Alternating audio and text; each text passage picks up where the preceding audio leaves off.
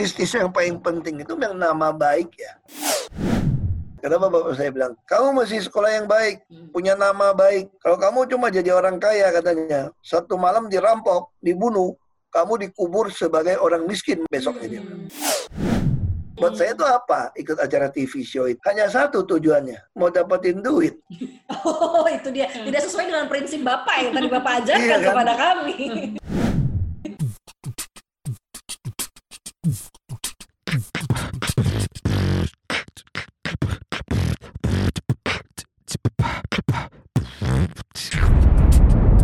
Cuap-cuap cuan. Halo Sobat Cuan, balik lagi nih, ketemu lagi di podcast Cuap Cuap Cuan, podcastnya CNBC Indonesia. Ada gue Alin, dan gua Gusti. dan kita kedatangan seorang Tamu. tamu yang spesial banget. Gue tuh tadi meng-accept Zoom meetingnya ini. Deg-degan ya. Deg-degan gua. Ini bukan cuma spesial, sosok satu ini juga kontroversial Iya. sebenarnya. Ada yang benci, ada juga Banyak yang cinta. cinta juga gitu. Dan ini multi talenta, ibarat Agnes Monica Iya. kalau artis.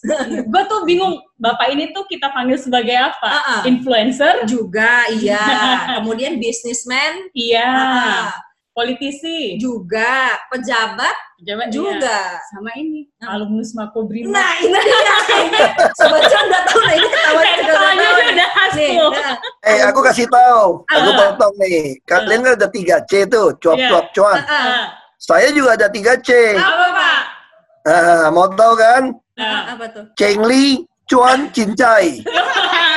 Ambil dulu. ilmunya. Cengli itu, cengli itu arti itu fair. Oke. Ah. Cuan udah tahu dong, Iya, cuan. Paham lah kita. Cincai ya simple. Santai. Santai lah, cincai lah. Jadi 3C juga ya Pak ya. 3C. cuan, cinca. Ah, Oke, cuap-cuap cuan bersama Master 3C. Udah nggak perlu dikenalin nih siapa nih? Dari suaranya, dari ketawanya Hmm. udah tahu tadi nih alumni Makobrimob Pak S2 ya Pak ya? Master. S3 kayak itu. Oh, S3. PhD ternyata. Siapa lagi kalau bukan Bapak Basuki Cahaya Cahaya Purnama atau Pak Ahok? Pak, jadi sebenarnya maunya dipanggil Pak Ahok atau Pak BTP sebenarnya. Hmm. Saya sampai bingung sampai sekarang manggilnya. Tergantung. Tergantung gimana nih Pak maksudnya. Kita ya tadi kan sebenarnya orang mau panggil Ahok juga silakan aja. Mm-mm. Tapi kalau ngomong fair jujur kan nama saya yang asli kan memang BTP kan. Hmm. Waktu Bapak di Makobrimob kan sempat ada berita nih saya baca bahwa Bapak setelah keluar maunya kayak rebranding gitu, BTP. Jadi itu bukan BTP. aku yang ngomong, Oh, bukan itu Bapak ya? pendapat orang. Pendapat orang ya, oke, salah. Sebetulnya waktu saya sekolah di Jakarta, Mm-mm. SMA, S1 sampai S2, orang taunya panggil saya Basuki. Teman-teman angkatan saya kalau ketemu saya panggil saya Bas-Bas-Bas gitu. Berarti kalau panggil Ahok nggak apa-apa Pak ya? Apa sekarang? ya Pak? Masalah. Atau Master Tanah 3C? hoki. Oh, Master ya. Master 3C. Master 3C sekarang.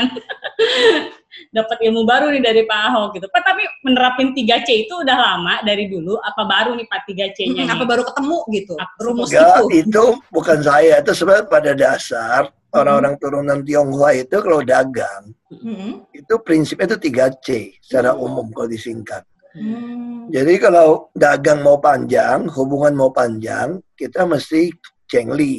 Cengli itu arti itu ya fair lah orangnya tuh, ya yang fair lah, yang adil lah, Mm-mm. Mm-mm. kira-kira gitu loh. Terus yang kedua kalau mau dagangnya panjang, ya mesti ada sama-sama untung dong. Mm-mm. Nggak mungkin dagang satu untung satu buntung gitu kan. Nah yang ketiga cinca itu ya kita juga nggak usah terlalu hitungan kalau udah orangnya cengli fair sama-sama bisa kasih untung ya nggak usah jadi serakah terus jadi jerimet gitu loh. Mm. Ya kadang-kadang orang gitu kan udah orangnya udah fair udah kasih untung tapi masih maruk gitu gitu loh masih greedy gitu kan. kurang puas. Akhirnya kan gitu. jadinya jeri- jerimet gitu kan, jadi rumit dibuatnya. Harusnya cincai-cincai aja gitu loh. Hmm. Yang ketiga urutannya itu. Jangan dibalik tapi. Kalau dibalik Ya. berbahaya Pak. Kalau cincai duluan dimakan orang loh. Tuan, Cinca itu yang Tapi kenal terakhir. cengli. Iya. Ya pertama kenalan sama orang kan mesti lihat dulu kan cengli apa enggak kan. Mm-mm. Ya. Oh. Itu prinsipnya ya Pak ya. Eh Pak, tapi Pak di masa-masa pandemi gini nih Pak Ahok jadinya kesibukannya gimana Pak? Apa aja nih kalau kita boleh Hmm. kepo? Wah banyak blessing lah ya. Namanya itu Mm-mm. berkat terselubung. Mm-mm. Teman aku pada stres, bilang nggak ke mana-mana. Terus saya Mm-mm. bilang, aku sih enak. Kok bisa kerja di rumah? Ya enak lah dibandingkan Makobrimob ya ini sekarang lebih enak. Kok pernah terisolasi ya Iya. Kan bertahun-tahun. sudah di lockdown duluan sebelum orang kena lockdown. Jadi Bapak udah punya pengalaman di lockdown. iya, itu namanya di lockdown kan, di lockdown berapa Pak? Dua tahun waktu itu ya Pak ya? 20 setengah bulan. Oh iya. Terus waktu waktu aku menikah juga nggak boleh pesta kan, Mm-mm. hanya kayak akad nikah, pemberkatan gereja gitu, Mm-mm. hanya buat keluarga. Wah dulu rasanya tuh kok bisa gitu ya, sedih banget orang pikir nggak bisa pesta. Mm-mm. Eh nggak taunya sekarang pada nggak bisa pesta semua. Merasakan ya Pak ya. Kata Pak, rasakan apa yang aku Ya, rasakan. nah, terus yang kedua karena suruh work from home, terus nggak macet juga, ngatur waktu lebih gampang. Mm. Hmm. Makanya saya begitu mulai lockdown itu bisa lari pagi. Nah, jadi ya lari pagi lah seminggu sekarang bisa lima kali, kira-kira satu jam, satu jam lebih. Ya oke lah, saya pikir sesuatu yang baik. Terus kita kerja juga sekarang kalau rapat ngajak orang, nggak ada lagi berpikir meja rapatnya kursi kurang nih, ruangan terlalu sempit nih, mau pakai ruangan yang mana? Wah semua bisa ikutan, rame-rame deh. Terus nggak ada lagi yang alasan, mohon maaf pak, saya macet nih pak, kena macet. Sekarang tinggal ada yang alasan internet. klik. Iya. Nah, jadi saya pikir ya jadi bersyukur banget lah gitu ya. Kita semua mesti itu saya katakan ketika menghadapi kesulitan atau masalah, kita harus gunakan perspektif yang benar gitu. Kita mesti perspektif itu semua itu bukan merugikan kita dan buat nguntungin kita. Harusnya seperti itu cara Mm. cara mandangnya gitu ya. Mm-mm. Jadi selama tiga bulan ini Bapak ya nggak stres nggak apa udah udah Karena udah pernah ya? latihan. Hmm. latihan di lockdown ya Pak. Pak, tapi kan ini kan katanya Bapak waktu di lockdown di Makobrimob tuh Pak sering baca buku sampai puluhan ya buku Hmm. yang dibaca ya. Pak? sekarang gimana Pak? Saya tetap biasakan dari dulu baca buku ya. Hmm. Taruh buku ya minimal setahun. Adalah buku-buku pilihan yang dikirim untuk kita beli. Hmm. 5-6 buku lah minimal setahun gitu ya. Hmm, hmm. Nah, jujur aja kalau waktu di lockdown di Makobrimob kan kita kan nggak balas-balas WA kan, Hmm. nggak Iya. ada rapat juga kan. Nggak ada kesibukan lain ya Pak ya?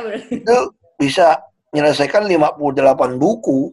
Hmm. Kita baca. Hmm, Luar biasa. Kesibukannya sih nulis sama balas surat. Nah, kalau di Hmm. sini saya sampai bulan Juni ini baru habis baca dua setengah buku. Karena masih banyak kesibukan lainnya. Sama sibuk urus Yosafat Pak ya. Kalau Yusufat, Safat sih itu mertua yang urus. Jadi mertua juga tinggal bareng sama ibu Hmm. saya juga bareng. Jadi rame ya Pak ya? Lebih rame rumahnya ya Pak sekarang. Ya minimal makan bareng rame juga. Jadi justru Pak Ahok selama lockdown pandemi ini ini ya lebih teratur hidupnya. Iya balik lagi kayak ini kan enak nih olahraga bisa jemur. Ya kayak di Makobrimob tapi lebih enak lah. Di Makobrimob tapi bisa sambil nonton ya Pak ya. Pak ini saya mau tanyain juga nih, saya pernah waktu Bapak baca di Makobrimob, saya baca berita lagi. Katanya ada statement Bapak bahwa eh, dulu tuh Bapak sempat menyesal bahwa waktu bekerja itu terlalu banyak, waktu Hmm. untuk keluarga kurang. Nah, apakah sekarang sudah berubah? Pak? Jadi mementingkan keluarga? Iya sebetulnya dulu juga waktu keluarga juga ada nyelip-nyelip masih Hmm. ada ya. Oh, waktu kecil juga ada. Nah, cuma yang membedakan sekarang karena kita work from home, jadi saya bisa lihat Yosafat itu betul-betul dari lahir sampai dia mulai tumbuh gigi, ada gigi, mulai belajar makan, belajar mulai berdiri, mulai balik, semua saya liatin betul. Terpantau Oh. setiap hari gitu ya Pak ya? Heeh. Jadi tahu kita sekarang. Jadi tiap tahapan-tahapannya Pak ya udah bisa diabadikan kayak gitu. Iya, jadi ngerti kita. Oh, oh, oh. Dan itu priceless banget pasti ya Pak ya, karena ngelihat pertumbuhannya. Karena gimana. anak itu cepet banget kan, nggak Hmm. berasa udah gede. Bapak lagi baca buku apa Pak sekarang Pak? Macam-macam sih. Aku Bukunya lagi serius-serius kan satu buku bagus, Hand Me Another Brick. Ini, Hand ini Me. bagus, kisah leadership ini sebetulnya. Gimana kita harus menyiapkan penerus sebetulnya. Nah itu, jadi kita harus siapkan satu penerus, ya supaya dan kita jadi model showcase seorang leader seperti apa Hmm. kepada anak buah kita ketika menghadapi ancaman atau ketakutan gitu. Hmm. Nah, kalau ngomong leadership Pak, di kala pandemi seperti ini, leadership seperti apa sih yang dibutuhkan gitu? Saya kira paling utama itu belas kasihan ya. Hmm. Empati ini ini yang paling utama. Hmm, hmm, hmm. Saya kira dalam segala hal itu kita mesti utamakan itu gitu. Itu yang sikap kita gitu ya. Terus yang kedua untuk hubungan dengan orang lain, kita harus beri apresiasi kepada orang yang melakukan perbuatan yang baik itu. Hmm. Karena nggak nggak semua orang mau melakukan gitu ya. Hmm, Iya. Relawan, perawat, dokter, Yang di garda depan orang-orang ya? yang masak. Nah Hmm. kita harus berikan apresiasi pada mereka. Hmm. Nah yang ketiga kalau kita mau implementasikan, kita harus yakin Hmm. bahwa kita ini bisa mengalahkan ini COVID ya. Kita harus Hmm. berdiri, Hmm. bergandengan tangan, disiplin, kita harus yakin. Nah yang keempat yang lebih penting lagi, jangan anggap kamu tahu tentang COVID. Hmm. Apalagi menyebar-nyebarkan sesuatu yang sebenarnya kamu juga nggak tahu gitu loh. Iya. Cuma dengar dari orang, kirim-kirim, lalu kamu kirim-kirimin. Hmm. Orang jadi stres. Misalnya contoh gitu ya, Hmm. ibu saya kan sudah tua. Hmm. Ya orang tua tidur lima jam udah seger selama ini. Hmm. Tapi dia model yang tidur pendek kan. Hmm. Tiba-tiba temannya baik, kirimin tuh di WA WA gitu. Hmm. Kalau mau bebas dari COVID harus tidur 8 jam. Lalu ibu saya maksa tidur 8 jam stres dia, dia naik tensinya. Dia terus dia terus ngeluh sama saya. Saya nggak bisa tidur, saya nggak bisa tidur. Aduh, gimana saya tahunya? Tiap kali saya masuk ke kamarnya dia ngorok kok tidur. Tapi selalu tiap pagi merasa nggak tidur gitu kan. Akhirnya saya pasangin aja jam lah. Saya ukur sleepnya pakai aplikasi berapa jam sih tidurnya gitu loh. Itu tidur nyenyak apa enggak? Tidur kok. Memang kebangun tengah malam itu ya biasa orang yang tidur pendek kebangun satu kali dua kali. Hmm. Tapi dia merasa bangun satu dua kali itu dia merasa dia nggak tidur. Begitu pikirin nggak tidur jadi wah stres. Makin stres. Nah jadi memang kadang-kadang itu saya bilang jangan merasa kita tahu semua nih urusan gitu kan. Hmm. Hmm. Dapat berita comot mana niatnya baik main kirim kan masing-masing orang punya fisik berbeda. Hmm.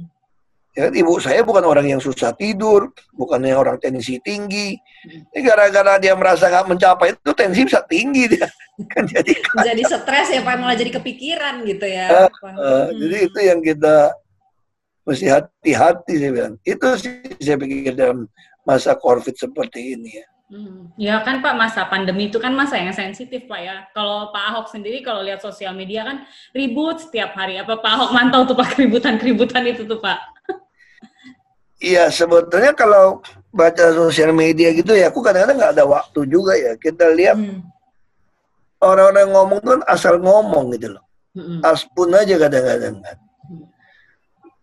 Jadi kalau bagi saya, orang kalau benci saya, saya mau jawab apa pun nggak ada guna juga. Hmm. Dia tetap benci. Hmm. Tapi kalau orang yang bisa terima saya, nggak usah jelasin juga dia udah terima, dianggap oh masuk akal gitu loh. Hmm. Makanya saya nggak gitu suka bacain orang-orang komentar apa gitu ya. Nggak ada guna juga tanggapin gitu juga nggak tahu tuh mesin atau satu orang dengan berbagai akun kita nggak tahu juga. gitu Apa ya. orangnya beneran atau enggak kayak gitu Pak ya. Iya. Kayak capek Nggak ada aja. gunanya juga. Jadi Pak Ahok lebih ke Kalau kita cuek aja gitu sekarang ya Pak. Bukan cuek, itu saya ada teknik membunuh lawan dengan halus kasarnya Oh. gitu. Oh. Banyak banget tuh teknik-tekniknya, Iya. tips-tipsnya nih Pak Ahok nih. Ya, dong, jadi kalau orang pengen kita mati kesel, Mm-mm. kita nggak usah kesel. Nanti lama-lama dia pengen kita mati, dia yang kesel kan. Hmm. Jadi jangan kasih apa yang dia mau gitu ya Pak ya. Iya. Wow. Jadi kalau istilah bapak saya almarhum dulu, Mm-mm. kalau orang pengen kamu mati, selain kamu mati pun harus mati berdiri ya. Supaya yang pengen kamu mati lihat dari jauh kira kamu masih hidup katanya. Segitunya ya Pak ya berarti ya. Ya korban film perang sama film koboi itu kan ada film perang gitu kan. Jadi kalau Right, musuh mau mau satu. benteng, padahal dia tinggal berapa orang doang nih, gimana caranya nih? Ya mayat-mayat temannya dijejerin juga, taruh kayak masih hidup gitu juga. Dia pakai tarik tali gitu kan, terus masih nembak-nembak gitu nggak? Padahal dia cuma orang doang di dalam tuh. Biar kelihatannya masih Pakai banyak sana gitu. nembak dari sini. Strateginya Strategi. gitu. Dan itu diterapkan di kehidupan gitu ya Pak ya. Dan Ya jadinya pokoknya kalau orang pengen nyakitin kamu, kamu jangan tunjukin kamu disakiti. gitu Hmm. aja kira-kira gitu kan Jangan kasih apa yang musuh kamu mau. gitu. Iya. Nih apa sobat cuan langsung pada lagi nyatet Hmm. kayaknya nih ngedengerinnya sambil banyak Yang ada di otak gue dari tadi yang 3C itu. 3C ya yang pertama belum dibuka dengan 3C. Iya, langsung Kemudian tuh yang ini ada lagi tips-tipsnya. membunuh Banyak dengan halus. Hmm, membunuh dengan halus. Baik, baik. Saya akan camkan itu. Pak, ini kan setelah pandemi nih, eh, kita juga sekarang menuju new normal. Kita tuh di eh, company kita ada namanya hashtag new normal new spirit. gitu. Nah, kalau Pak Ahok sendiri gimana new normal new spiritnya, Pak? ya namanya kita harus yakin aja bahwa masa depan sungguh ada dan ini Hmm. kesulitan apa pun juga pasti lewat jadi Iya. kesenangan apa pun juga lewat sebetulnya kan Jadi Nggak ada yang abadi ya Pak ya? anda mau senang atau mau susah Mm-mm. harinya sama 24 jam seminggu tetap tujuh hari Mm-mm. ya udah sama aja sebetulnya kalau kamu merasa susah ya 24 jam lewatnya lama banget coba kalau lagi seneng cepet kan. Nah, kita lari udah ngerti tuh. Kalau kita lari pagi-pagi, bayangin, waduh, sejam lama banget. Waduh, lamanya minta ampun. Hmm. Coba kalau sambil lari dengan dengerin suara burung, liatin burung, liatin pohon, daun gitu ya. Itu nggak berasa tuh. Wah, udah selesai ya kalau lari ya, sejam ya. Rasanya masih mau lari setengah jam lagi, sejam lagi. Jadi enjoy lihat the moment pemandangan, gitu kan. ya Pak Nah, ya? itu katanya, Mm-mm. jadi pikiran kita itu harus selalu diisi dengan positif. Pak, jadi gini Pak, eh, selama pandemi ini kan Pak Ahok nih belum muncul lagi ke publik nih Pak. Nah, eh, tapi sekalinya Pak Ahok muncul nih di Mhm. sosial media, itu rame banget. Termasuk kita nih Pak, kita yang hobi ngutip kalau Bapak nongol di sosial media kayak gitu. Dan kemarin Ibu Nika bilang bahwa senang banget nih sama Pak Ahok karena dipromoin gratis Mm-mm. jadi influencer. Nah, sebenarnya Pak Ahok ini influencer apa komisaris sebenarnya? Gi- Gimana nih Pak statusnya Pak? Kami minta kejelasan. Ya sebenarnya tadi yang gini waktu saya baru masuk, terus saya ngelihat kok saya bilang apa followernya sekarang segala macam kok dikit banget gitu loh. Hmm. Nah, terus Pak? Jadi saya bilang Instagram saya kan kayaknya lumayan deh ada 4 juta. Bukan lumayan lagi Pak. Nah jadi banyak banyak berita-berita baik di Pertamina itu banyak orang nggak tahu. Hmm. Jadi ya udah numpang aja lah hubungi sakti lah saya bilang. Oh saya udah terima bayaran gaji kan. Hmm. Jadi ya udah sekalian kita jadi udah ada berita kita link kita sampaikan ya model-model gitu. Terus kayaknya media juga jarang ngintip websitenya Pertamina, ngintipnya ke IGA aku malah. udah kita lempar ke situ. Di situ yang jadi sumbernya malah. Tapi Bapak juga Bapak juga happy Pak ya mempromosikan Pertamina nih Pak ya. Jadi emang udahlah. Mm-mm. Ini kan udah terima tanggung jawab jadi komut ya harus lakukan segala hal ya yang Harus all terbaik buat gitu ya. Pertamina. Hmm.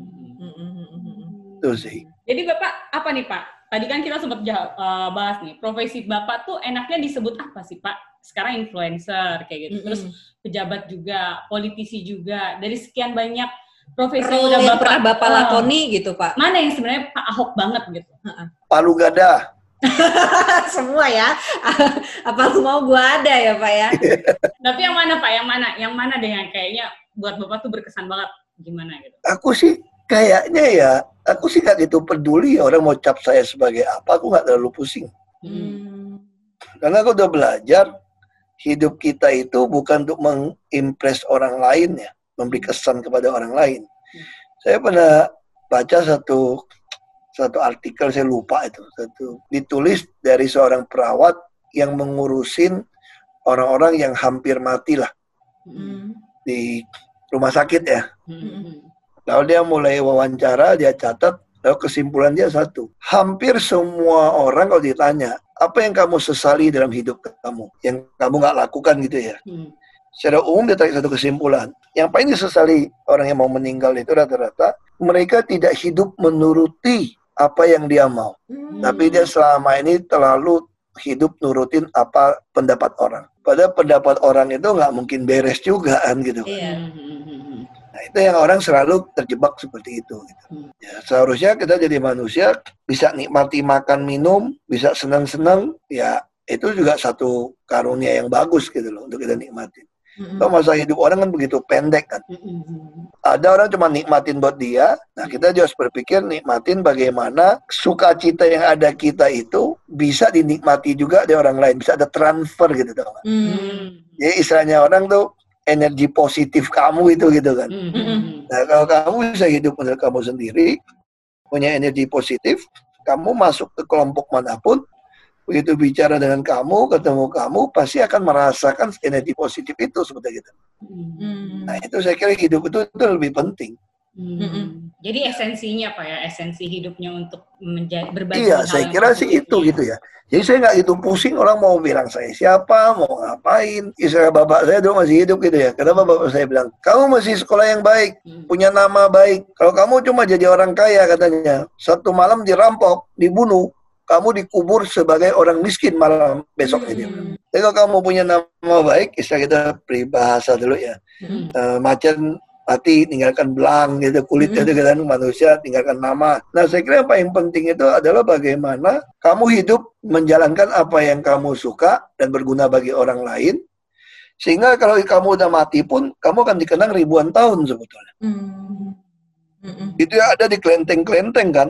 Mm. Itu yang patung-patung itu kan bukan bukan dewa. Mereka adalah orang-orang yang berperan untuk rakyat lalu dikenang seperti dewa gitu loh. Oh. Namanya abadi berarti gitu. Ah. Nah itu yang mendorong Pak Ahok misalnya dari awalnya pengusaha terus jadi politisi kayak gitu-gitu. Iya, sebetulnya bukan saya jadi pengusaha terus berhenti pengusaha. Waktu saya jadi pengusaha, masuk ke politik ada jabatan.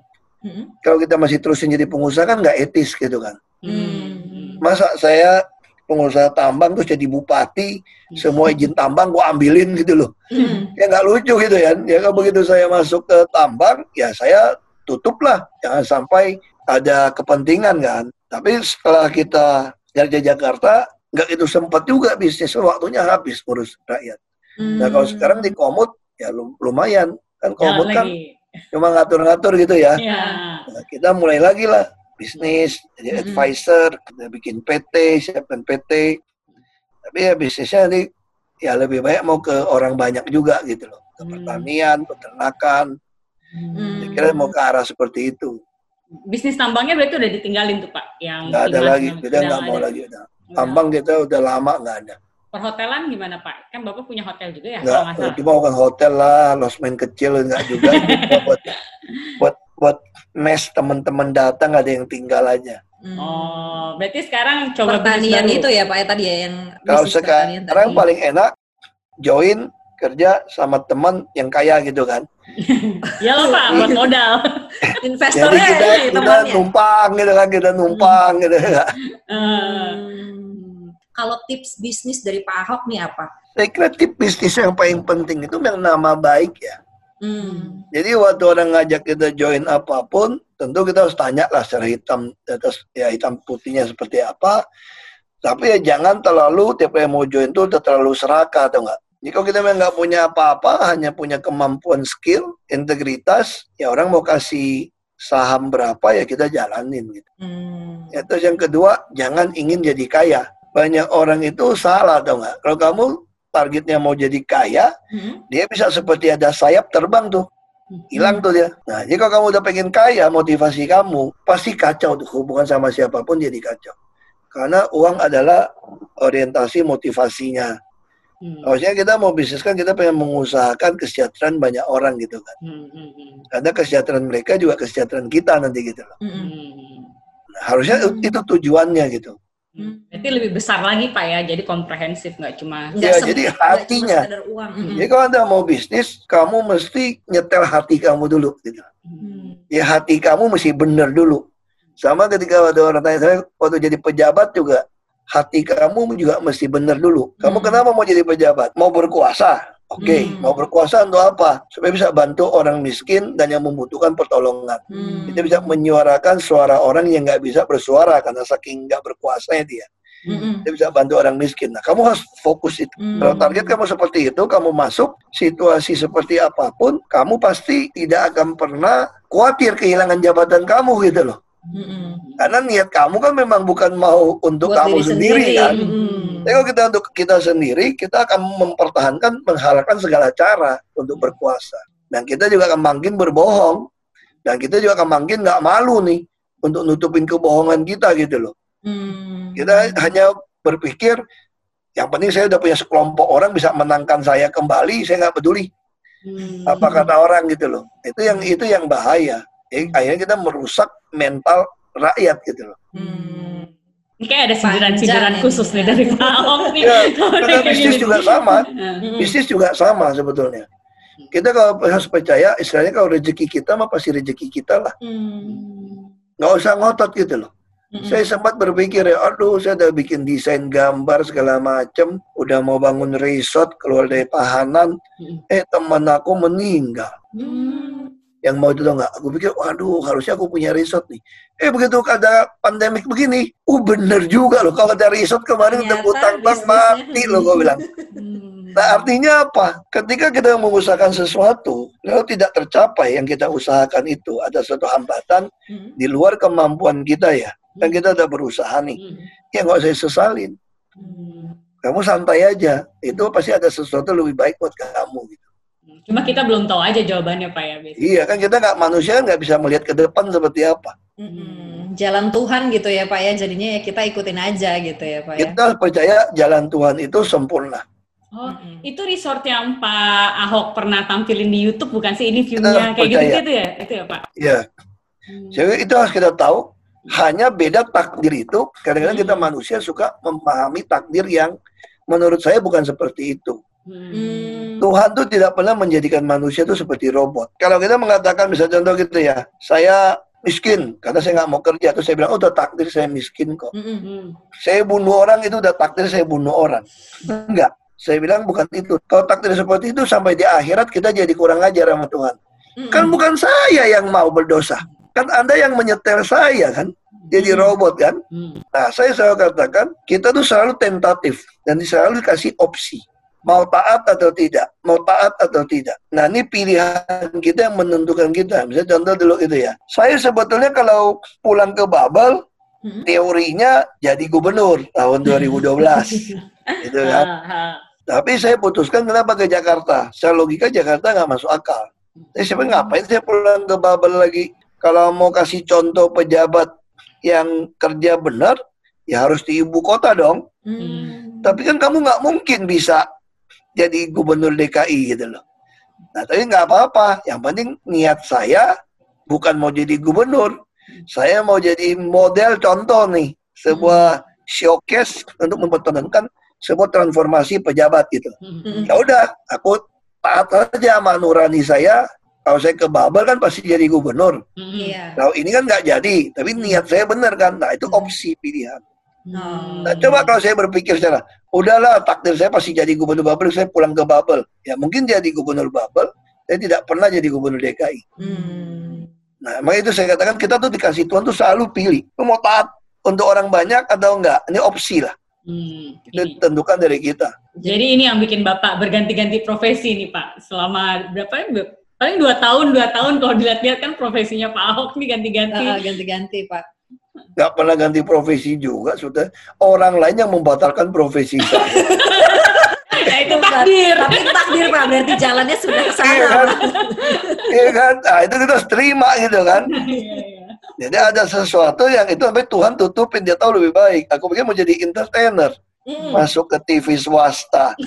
Ternyata Oh, iya. juga. Tiap minggu bagi hasil revenue sharing iklan 50-50. Heeh. Eh, nggak taunya Jadi nggak jadi orang kaya, pengen jadi orang kaya raya tadi pengen punya rumah ya nggak sakti. Gede.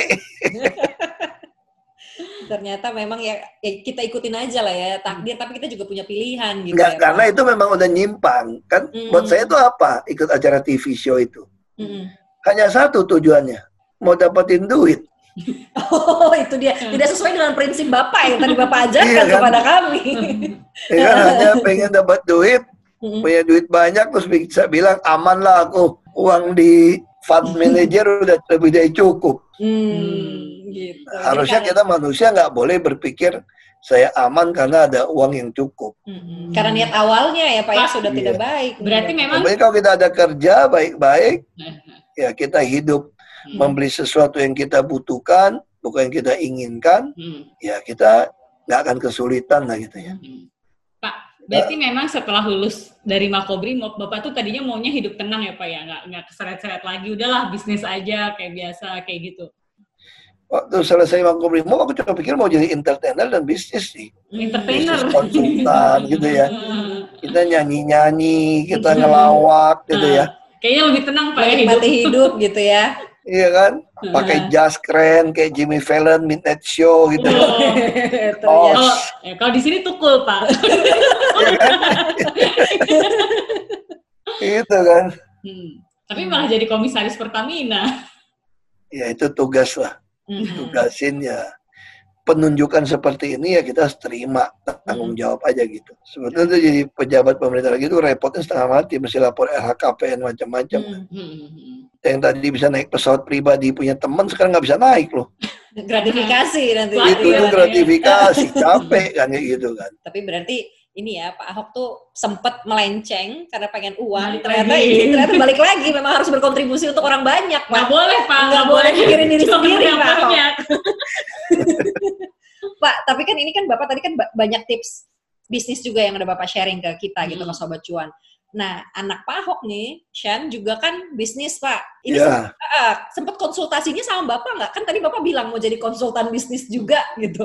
Ini sempat konsultasi ke Bapak juga nggak? Apa ada justru nasihat-nasihat? perusahaan eh, perusahaan konsultan saya kan sahamnya kasih ke Sion sama adik-adiknya. Oh, gitu. Nah, jadi- Dia masih konsultasi sama kita untuk Hmm. gimana franchise, gimana Hmm. bikin PT, gimana soal perpajakan, Mm. nah gimana cara saving uang, Mm-mm. gimana bagi portfolio gitu ya. Berarti Saving. dikawal banget gitu ya sama Pak Ahok gitu ya mulai dari. tempat kebetulan itu anak memang hemat itu dia nggak nggak aneh-aneh itu Hmm. jadi kalau suruh dia pergi makan enak pakai duit sendiri itu dia malas tuh tapi kalau ditraktir makan kan Mau banyak ya? ya Pak kalau itu mah naluriah. Iya, kayaknya semua anak muda kayak gitu Pak.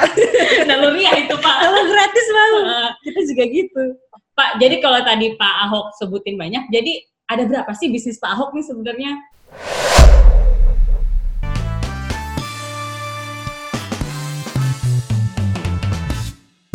Selanjutnya di episode eksklusif Cuap-Cuap Cuan with Ahok. terus saya bilang jadi dirut itu capek dipanggil dewan Hmm. panggil menteri dirut itu udah kayak juru bicara situ sini kapan kerjanya. Mendingan saya jadi komod asal di- dirutnya nurut. Nah, kita juga berharap pemerintah ke depan bisa subsidi ke orang, bukan ke barang.